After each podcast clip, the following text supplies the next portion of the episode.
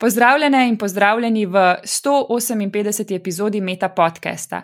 Danes je z mano Maša Zupančič, ki na oddelku za genetsko toksikologijo in biologijo raka na Nacionalnem inštitutu za biologijo uh, opravlja svoje doktorsko raziskovalno delo, doktorski študij pa sicer upravlja v okviru programa bioznanosti na Univerzi v Ljubljani. Živijo, Maša. Živijo, hvala za vabilo. Hvala, da si se na vabilo odzvala. In prvo vprašanje bo tako, ki ga v bistvu zastavim eh, vsem. Če lahko na kratko opišeš, eh, kaj raziskuješ. Čist na kratko, eh, jaz se ukvarjam s strupenimi cianobakterijami v površinskih vodah, večinoma v zadrževalnikih, pa tudi v jezerih in rekah. Zdaj v splošnem mi raziskujemo, kje se pojavljajo, kdaj se pojavljajo, katere vrste, v kakšnih količinah kako se spremenjajo skozi sezono, koliko so strupene, katere cianotoksine proizvajajo in tako naprej. In tako naprej. Uh, pri vsem tem se pa v bistvu osredotočamo tudi na bolj metodološka vprašanja, Torej, raziskujemo, katere metode so najbolj primerne, kako se različne metode med seboj dopolnjujejo in kako bi lahko te metode še izboljšali, da bi lahko v prihodnosti bolj vedeli, kaj se dogaja s cianobakterijami v našem okolju. In te, k tem metodam se bova vrnile v nadaljevanju pogovora. Sedaj pa me zanima, eh, cianobakterije, to se sliši kot področje mikrobiologije, nekako širše, mogoče tudi malo povezano z biotehnologijo in seveda pač najširše biologijo. Eh, te je to že odvedno zanimalo, si to študirala oziroma raziskovala tudi pred doktorskim študijem, na katerem programu si recimo bila na dodiplomskem in uh, magisterski ravni? Ja, jaz sem v bistvu že od začetka študija vedela, da bi rada delala nekaj v povezavi z okoljem, z varovanjem okolja. Um, sem pa na poti do tega naredila kar ene par ovinkov. No? Tako da začela sem v bistvu splošno biologijo na prvi stopni. Ta program ti da fulene širine in v bistvu pusti veliko odprtih poti. Um, tako, jaz sem se potem za eno leto zaposlila na Kmetijskem inštitutu v genetskem laboratoriju. Tam smo se ukvarjali z žahnjenjem rastlin. Uh, po tem enem letu sem pa nadaljevala magistrski študij ekotehnologiji. Ta študij je bil pa v bistvu zelo individualno, raziskovalno usmerjen, tako da takrat sem tudi naredila eno kar obširno magistrsko delo na cianobakterijah pri isti mentorci, kot jo imam zdaj za doktorat. Torej, takrat sem začela na Nacionalnem inštitutu za biologijo. Uh, in tu se mi je potem v bistvu nekako sestavljalo skupaj, da sem lahko združila vse svoje znanje iz molekularne genetike, ki sem ga dobila na Kmetijskem inštitutu, z neko biologijo, ki je moje primarno področje, uh, pa z varovanjem okolja, ki je pa v bistvu moja največja motivacija za raziskovanje. Uh, v mikrobiologijo sem pa v bistvu čist, čist um, slučajno padla po tem spletu na ključi, da sem se na koncu začela ukvarjati s cianobakterijami. Ful dobr. Ok, omenjala si veliko cianobakterije, pa če samo začneva s tem, kaj sploh uh, cianobakterije uh, so, preden greva na to, kaj prav ti raziskuješ v okviru cianobakterij. Torej, cianobakterije so ena posebna skupina bakterij, ki lahko izvajajo fotosintezo. Um, torej, tako kot rastline proizvajajo kisik, zaradi tega so tudi take značilne zeleno-modre barve, kar jih loči od drugih bakterij. Zaradi tega smo jih včasih metali v bistvu isti koš z mikroskopskimi algami, ampak danes vemo, da pač spadajo med bakterije, ne med alge. Tukaj bi mogoče sam povdarila, da cianobakterije so za ekosistem zelo pomembne, ker, kot sem že omenila, proizvajajo kisik, poleg tega tudi vežejo toplogredne pline, pa sodelujejo pri kroženju drugih elementov v okolju. Um, najdemo jih pa v površinskih vodah, v morju, tudi v kopenskih okoljih, tudi v raznih ekstremnih okoljih, jamah, eh, slanih izvirih in tako naprej. So zelo trdožive in zelo eh, splošno razširjene. Uh, omenila si, da imajo zelo veliko um, dobrih lasnosti, pa imajo kakšno slabo tudi. Ja, seveda, in prav s tem se mi največ ukvarjamo. Torej, cianobakterije se lahko v določenih pogojih, predvsem takrat, ko je v vodi zelo velik hranil, ko je temperatura visoka, lahko prekomerno namnožijo. Takrat tvorijo tako goščo na površini vode, ki jo lahko tudi s prostim očesom prepoznamo, ker nastane taka zelena oziroma rjavkasta plast. In v, v tej gošči je ponovadi zelo visoka koncentracija cianobakterij. Uh, cianobakterije pa lahko proizvajajo tudi cianotoksine, to so pa strupene snovi, ki lahko škodujejo živalim, pa tudi ljudem. Um, in zaradi tega, z tega vidika so te gošče lahko problematične, če ljudje pridemo v stik s tako vodo, če jo slučajno kdo po pomoti zaužije, ali pa tudi uh, dolgoročna izpostavljenost je lahko problematična, če recimo um, ob rekreaciji prihajamo z njo v stik s kožo in tako naprej. Tako da tega vidika strupenosti socijalno bakterije lahko zelo problematične takrat, ko se prekomerno namnožijo. Pa recimo tudi mogoče za kakšne udomačene živali, če bi prišle v stik uh, z Tako je. Ja. Zdaj v Sloveniji takega primera še nismo imeli, ampak iz tujine je pa kar velik primerov, ko recimo psi uh, grejo v vodo, se kopajo, popijajo kaj vode ali pa pojejo te um, obrasti na kamnih in potem lahko tudi poginejo no, zaradi teh uh, cianotoksinov. In uh, kaj prav te zanima o cianobakterijah? Glavne, glavna tema mojega doktorskega dela je to, da bi mi v bistvu V bistvu pristop je zelo metodološki. Ne? Želimo si zdaj um, upeljati neke molekularne metode v spremljanje cianobakterij. Torej, nekako si želimo izboljšati način, kako bi spremljali njihovo razširjenost, pa njihovo strupenost, pa tudi upeljati nek sistem za zgodnje opozarjanje na tveganje za cianotoksine. Uh, in z tega vidika je zelo pomembno, da jih spremljamo, da lahko vemo, kdaj obstaja tveganje za zdrave ljudi, da takrat ljudi opozorimo, da ni priporočljivo um, se kopati v vodi, da ni priporočljivo, da psi uh, hodijo v vodo, pijejo vodo in tako naprej.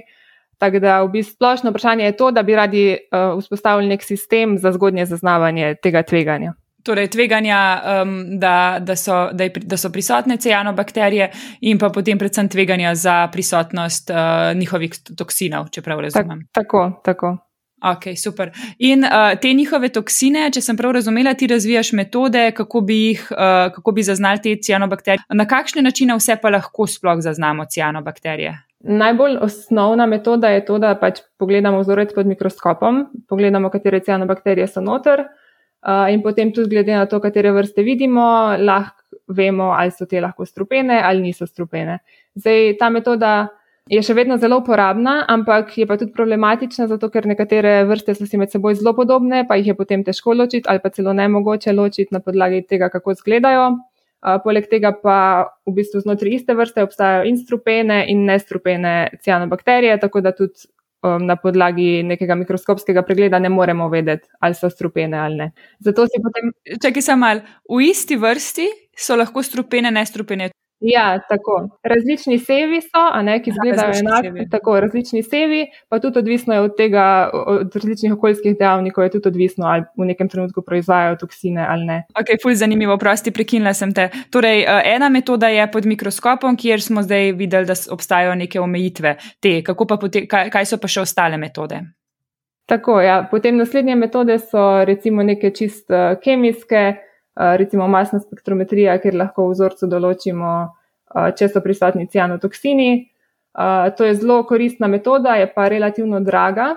Poleg tega pa mi zdaj uporabljamo tudi molekularne metode.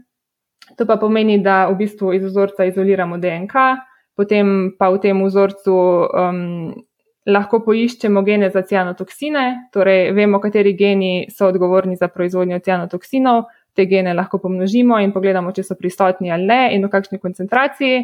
Teda to nam potem pove, če imajo te cianobakterije potencial za proizvodnjo cianotoksinov.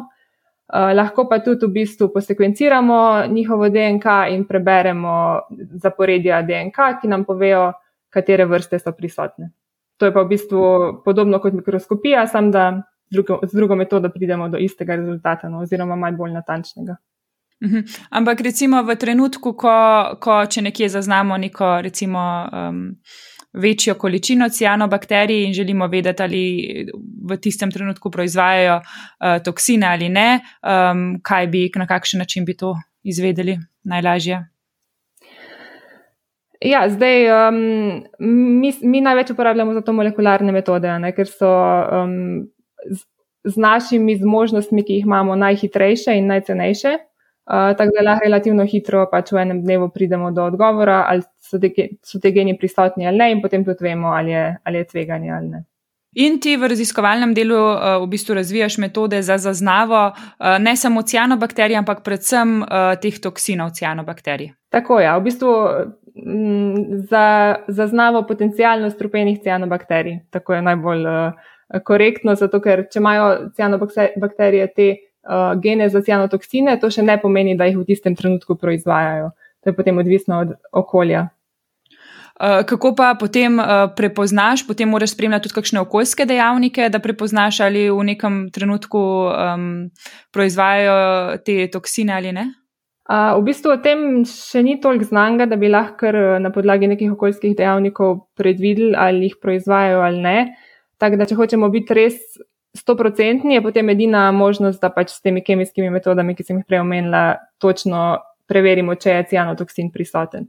Je pa tudi tako, da če so te geni prisotni, se lahko zelo hitro spreminja. Ne? Recimo danes um, so prisotne cianobakterije, ki vemo, da so potencialno strupene, pa mogoče proizvajajo zelo malo cianotoksinov, jutri se bo pa nekaj v okolju spremenil, se bojo zelo hitro razrasle in potem bojo začele proizvajati cianotoksine in se lahko zelo hitro v bistvu tudi iz nestrupenga torej začnejo proizvajati toksine. No. In z tega vidika niti ni mogoče tako relevantno, ali jih v nekem trenutku vzorčenja proizvajajo, ker če imajo ta potencial, to že predstavlja tveganje. Uh, pa me pa zdaj zanima, že kaj si do zdaj s temi metodami recimo ugotovila, kaj ste spoznali, kaj te še zanima, v katero smer še greš.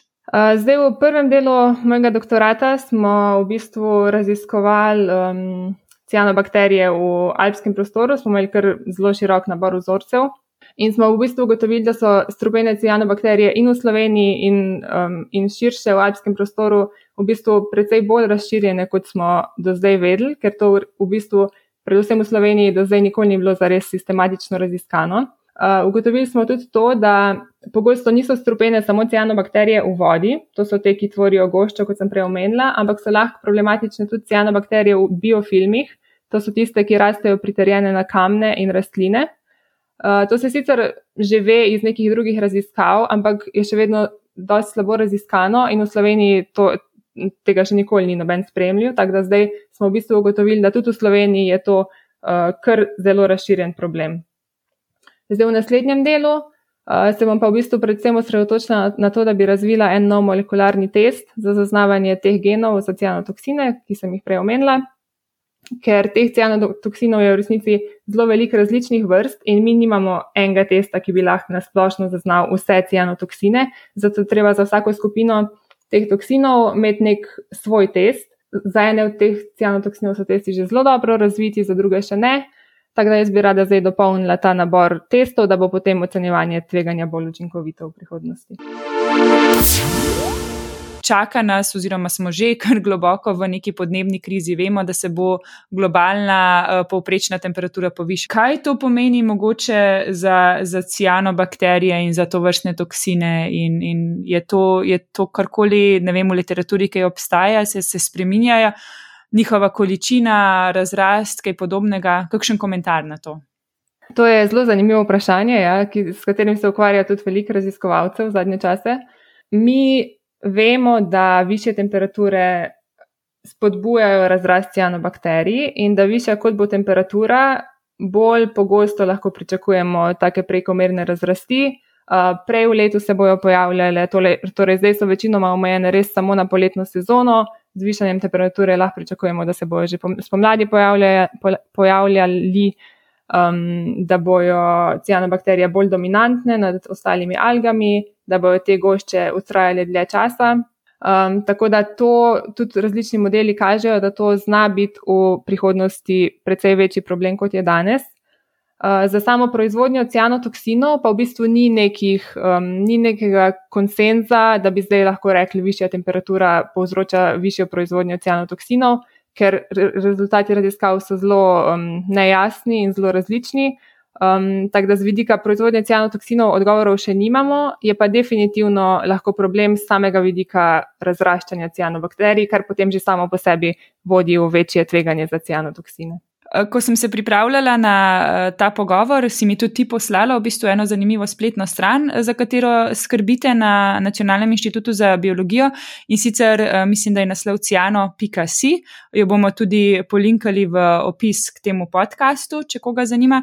In tam imate v bistvu kar nek projekt občanske oziroma skupnostne znanosti, ne, kjer lahko kdorkoli tudi vam pošle neka informacija o cianobakterijah. Mogoče lahko kaj več poveš o tem projektu. Torej, dobro leto nazaj smo mi dobili idejo, da bi vzpostavili nek spletni portal, kjer bi v bistvu ljudem na interaktiven način ponujali informacije o cianobakterijah v Sloveniji, ker se nam zdi, da je to taka tematika, ki je v bistvu relevantna za, za vse ljudi, ne samo za znanstvenike. Uh, in zato smo želeli, da ljudje na enem mestu lahko najdejo informacije o tem, kaj cianobakterije sploh so, kako ta pojav prepoznati v naravi, um, kako prepoznati njihovo prekomerno razrast, kakšno tveganje to predstavlja, kako se temu tveganju izogniti, kakšno je stanje v Sloveniji in tako naprej. Uh, poleg tega smo pa želeli tudi, da bi lahko ljudi nekako vključili v to raziskovanje. Zato smo vzpostavili ta projekt, kjer nam lahko ljudje v bistvu pošiljajo fotografije um, kakršnih koli vodnih teles v svoji bližini, kjer opazijo neko zeleno goščo ali pa neko zeleno obraz na kamnih ali pa karkoli takega, kar bi lahko bile cianobakterije.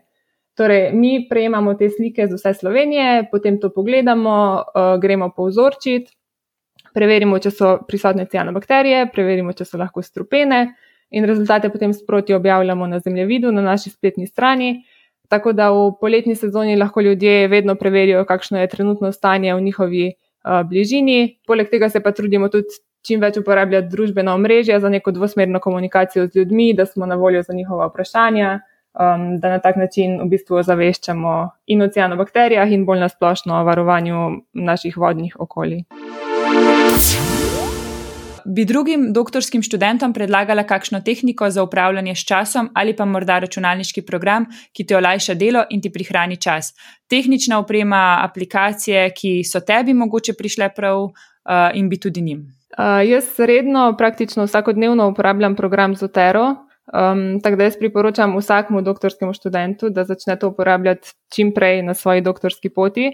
To je program za urejanje referenc, člankov, v bistvu si lahko narediš svojo knjižnico člankov in jaz si brez tega res ne, ne predstavljam raziskovalnega dela. Kar se tiče pa upravljanja s časom, pa jaz zdaj že nekaj časa uporabljam metodo točkovnega dnevnika oziroma bullet journal, ki je v bistvu zelo enostavna metoda. Jaz sem začela z zvezkom in skuljem, zdaj sem prišla no, na digitalno, tako da uporabljam Notion in za to in za vse svoje zapiske. Tako da to sta te dve orodji, ki jih res vsakodnevno uporabljam se mi pa zdi, da bolj enostavno, kot je bolje učinkovito, tako da jaz nisem glih nek pristaš tega, da bi imela en kup enih aplikacij za organizacijo življenja. Priporočilo za knjigo, igro, film, spletno stran ali podcast. Zdaj, zadnji dve knjigi, ki sem jih prebrala, sta me obe kar navdušili, tako da bom kar te dve omenila. Prva je bila Rojeni za tek. Zdaj, jaz sem sicer sama tudi zelo, zelo rada tečem, no, ampak se mi zdi to ena od tistih knjig, ki bi jih pa priporočila tudi ne tekačem, ker se res eh, dotika zelo veliko različnih tem in jih zapakira v eno tako dogodivščino. Um, druga je knjiga, je pa morda pa se moraš z nekom pogovoriti, ki jo je napisala ena, psiho, ena psihoterapeutka in je zelo, zelo, zanimiva za prebrati. Uh, potem bi pa omenila še eno malce bolj znanstveno obarvano in sicer slaba znanost, ki ti pa res pokaže, um, kako se da manipulirati z raziskovalnimi podatki, da prepričaš ljudi v to, v kar jih želiš prepričati. Uh, glede podkastov bi priporočala Ologist, ki v bistvu predstavlja res različne znanstvene discipline na tak zelo sproščen način. Drugače me pa zelo veseli tudi, da imamo tudi pri nas v slovenskem prostoru vedno več nekih znanstveno obarvanih oddaj. Recimo na valu 202 um, jaz redno poslušam od bita do bita, pa frekvenco X, pa še par drugih se najde. No, Odlično, ologist, fan, jej. Katera stvar ti je tekom doktorata prinesla največ veselja ali izpolnitve? Kaj je bil nek highlight tvojega doktorskega študija do sedaj? Zdaj, tukaj bi jaz omenila eno stvar, ki ni res striktno povezana z mojim doktoratom in sicer se bolj nanaša na tisto spletno stran, ki smo jo prej omenili, ciano.si. Um, in sicer mene res veseli, da smo začeli intenzivno deliti svoje delo in komunicirati znanost ljudem izven znanstvenih krogov. Uh, ker se mi zdi, da v bistvu šele s tem znanost dobi nek smisel, ker če ostane samo v obliki nekih znanstvenih člankov, ki jih razumejo samo drugi znanstveniki, se meni zdi, da pač nismo dosegli svojega namena. Tako da to je meni eh, trenutno najljubši del mojega dela. Uh, kakšen je tvoj način za spopadanje s stresom in morebitno negotovostjo, ki pride med doktoratom? Zdaj, meni se zdi res, res, res pomembno, da imaš poleg doktorata tudi kak hobi ali pa kak osebni projekt, ki ti veliko pomeni da si vzameš čas za njega in da ga vzdržuješ skozi vsa ta leta, ker to potem nekako ravnoteži stvari. Če ti gre v laboratoriju nekaj bolj slabo, pa ti gre v prostem času nekaj malj boljš, potem um, lažje ostaneš na neki zeleni veji.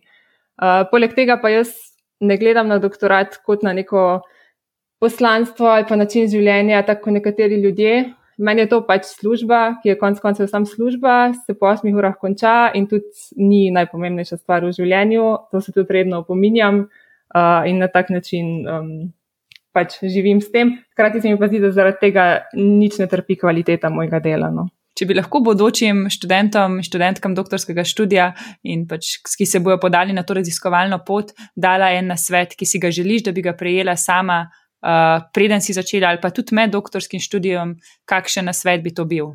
Uh, jaz bi rekla, da če se le da, da ne izkoristijo ta štiri leta in vso svobodo, ki jo v tem času imajo, da se ne držijo strogo sam svojega doktorata, ampak ne preizkusijo tudi kakšne druge stvari, recimo, da se vključijo v kak stranski projekt, da sodelujejo s kako drugo raziskovalno skupino, grejo na izmenjavo, karkoli se pač ponudi, ker te svobode, predvsem pa časa, se mi zdi, da je potem vedno manj in je v bistvu konec koncev za ta štiri leta tudi nek čas za sebe, da raziskuješ, kaj ti v bistvu, kak tip dela ti najbolj paše in da preizkusiš kakšne različne stvari.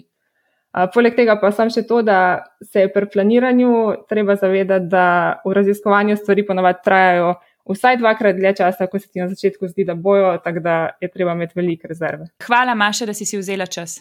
Hvala za povabilo. Poslušali ste Meta podcast, v katerem se pogovarjamo z mladimi znanstveniki in znanstvenicami z različnih področji znanosti. Podcast domuje na spletišču metinalista.si, kjer najdete tudi druge zanimive znanstvene vsebine. Naše delo lahko podprete z donacijo Metini listi, pohvale, pripombe in predloge lahko posredujete po e-mailu znanostafna.metinalista.si. Dobrodošli so tudi komentarji na Facebook profilu Metina Liste in na Twitterju Afna Metina Lista, kjer uporabite hashtag MetaPodcast. Se slišimo čez 14 dni.